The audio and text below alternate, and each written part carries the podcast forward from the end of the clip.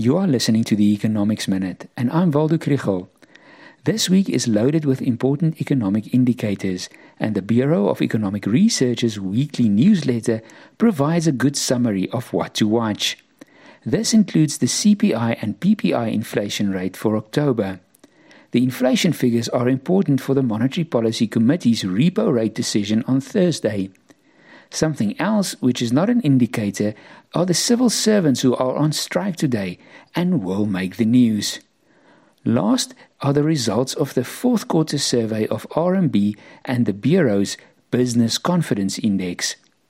The expectation is that inflation in October came in a little lower than September's for 7.4%.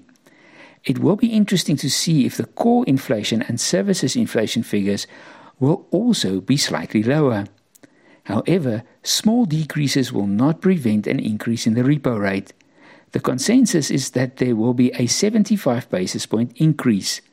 Since the previous MPC meeting, the rand dollar exchange rate has been weaker, and the risks surrounding a process of rising prices and wages are still there. Yet there is a small chance of only a 50 basis point increase. Internationally, the increases in interest rates are no longer so aggressive the Reserve Bank of Australia and the Canadian Central Bank raised their policy rates by less than expected at the end of October.